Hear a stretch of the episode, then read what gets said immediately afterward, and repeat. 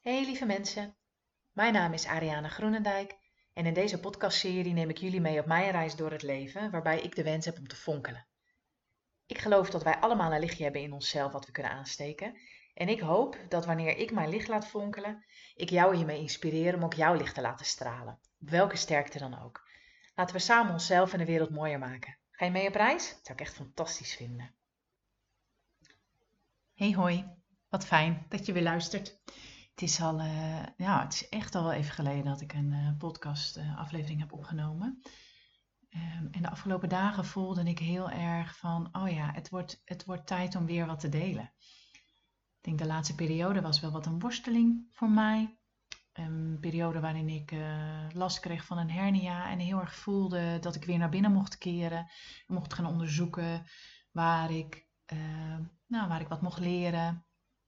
Waar ik ook wat mocht opruimen. En waar ik nou ja, ook weer uh, meer van mezelf mocht laten zien. Maar wel een proces wat vroeg om uh, naar binnen te keren, waardoor ik weinig uh, behoefte had ook om een aflevering op te nemen. En de afgelopen dagen dacht ik, ja, het is tijd om daar toch, daar toch wat over te delen. En niet alleen over mijn eigen proces, maar ook over het proces van nou, de vrouwen die ik zie in um, de praktijk waar ik werk. Praktijk voor uh, eetstoornissen. Of tenminste eetstoornis gerelateerde problematiek. En wat me daar opvalt, ik zie daar prachtig mooie vrouwen. Die eigenlijk in de kern allemaal wel wat worstelen. En heel erg op zoek zijn naar wie ben ik nu? Wie ben ik? En als ik dat vervolgens weet, hoe lukt me dat om in de dagelijkse praktijk neer te zetten? Uh, de dagelijkse praktijk waarin er zoveel gebeurt, waarin er zoveel te doen is en waarin er ook mensen zijn die uh, en misschien wel wat tegenwerken ook. Ouders die andere belangen hebben, partners die wat anders willen, de eetstoornis in dit geval ook die wat anders wil. En ik herken zoveel uh, ook van mezelf in de verhalen van die vrouwen. En ik vind het zo'n voorrecht dat ik samen met hen mee mag lopen op de weg die zij afleggen. Um, en waarin ik tegelijkertijd ook mag leren over mezelf. Um, en daar ook open over mag zijn. En wat ik heel erg merk is de. Nou, veel mensen of veel van deze vrouwen die worstelen eigenlijk met um, het loslaten van controle. En dat herken ik zelf echt heel erg goed. Uh, dat vind ik ook als ik een, een aflevering terugluister, bijvoorbeeld van deze podcast, ook wat ik heel erg, wat me heel erg opvalt. Dat ik soms van de hak op de tak ga, maar ook heel erg switch tussen uh, praten vanuit mijn hart versus praten vanuit mijn hoofd. Als ik heel erg naar mijn eigen centrum ga, ja, dan zijn er soms gewoon geen woorden. En als ik dan weer begin te praten, schiet ik meteen weer naar mijn hoofd. Um, en dat zie ik ook bij deze vrouwen. Hoe spannend ze het vinden en hoe eng het is om naar het gevoel te gaan. Om, om alles te laten zijn wat er is. Hoeveel we geleerd hebben uh, om in ons hoofd te zijn, om onszelf te beschermen, om, om te denken en om, om bijna ook gewoon nog te geloven wat we denken.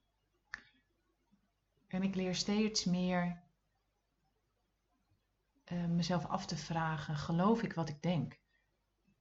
En klopt het verhaal wat ik, wat ik ervan maak in mijn hoofd? En daarbij staat dan ook nog: durf ik dat dan vervolgens, uh, durf ik vervolgens te voelen? Te voelen um, wat zich in mijn lijf bevindt.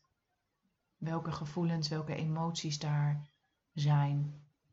Durf ik die er te laten zijn? Uh, en dat lukt me de ene keer beter dan de andere keer. Maar ja, dat zal iedereen herkennen, gok ik zomaar. Ik heb wel geleerd dat wat, wat die emoties willen, wat die gevoelens willen, is eigenlijk alleen maar gehoord worden en gezien worden en erkend worden. En waar ik merk dat veel vrouwen het idee hebben van, oh weet je, als ik die emoties te laat zijn, dan, dan dat gaat me overspoelen en daar daar ga ik in zwelgen. En oh, ik, dan weet ik niet meer of ik wel overeind kan blijven. Is mijn ervaring dat het soms heel heftig is. En dat je echt wel even overmand kan worden door emoties. En dat je dan kan denken, oh, nou, dit, dit stopt niet meer. Maar dat is vooral je hoofd. Vaak na een paar minuten zakt het af. Komt er meer ruimte, komt er meer lucht. Als je ze maar hoort.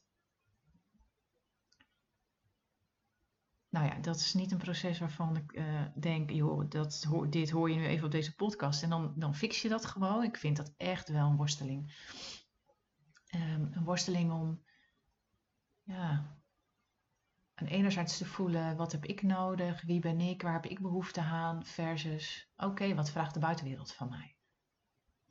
En als de buitenwereld misschien wel wat anders vraagt, lukt het me dan toch om bij mezelf te blijven?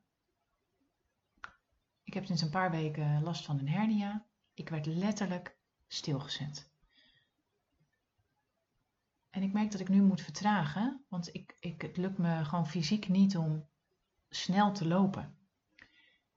En ik merk dat doordat ik vertraag, dat ik gewoon doordat ik letterlijk rustig, stap voor stap bijna door het leven ga, en dat ik me dan veel bewuster kan zijn van alles wat er ook in mijn lijf plaatsvindt. En um, dat het me dan beter lukt om daarbij stil te staan. Dus ik zeg de laatste week al tegen mensen, weet je, ik vind het ergens ook een cadeautje dat ik die hernia nu heb. En dat ik die vaar, eh, omdat het me wat brengt.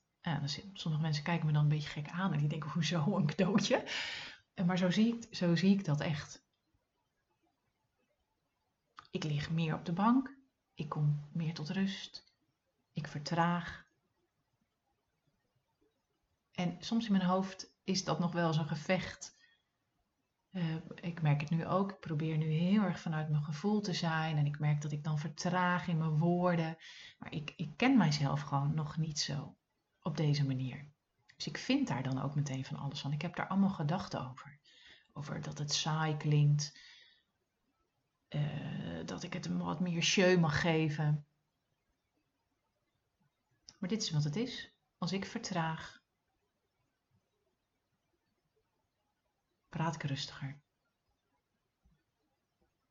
Kan ik meer vanuit mijn gevoel en vanuit mijn hart praten. En dat zal misschien niet iedereen aanspreken. Dat, dat kan. En er zullen mensen zijn, ja, als je luistert en je denkt, jee, nee, dit klinkt wel, uh, jeetje. Ja, dan is het zo. En dan uh, ja, maak ik deze podcast blijkbaar niet voor jou. En dat is echt helemaal oké. Maar ik geloof ook dat er veel zijn die, uh, nou, die, die dit herkennen.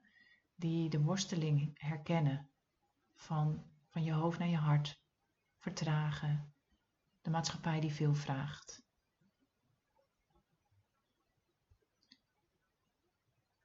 En ik vind het. Um, ja, en ik vind het mooi dat ik dit mag delen. Uh, en ik heb me de afgelopen weken wel gewoon kwetsbaar gevoeld en gevoeld dat ik naar binnen mocht keren. Uh, en wel vaak door mijn hoofd gegaan, jee, ja, ik moet dit, moet ik niet nu uh, nog iets voor de podcast. Maar het even gelaten. En nu voelde ik inderdaad vanuit binnen weer het verlangen komen om, om wat op te nemen. Ehm, dus bij deze.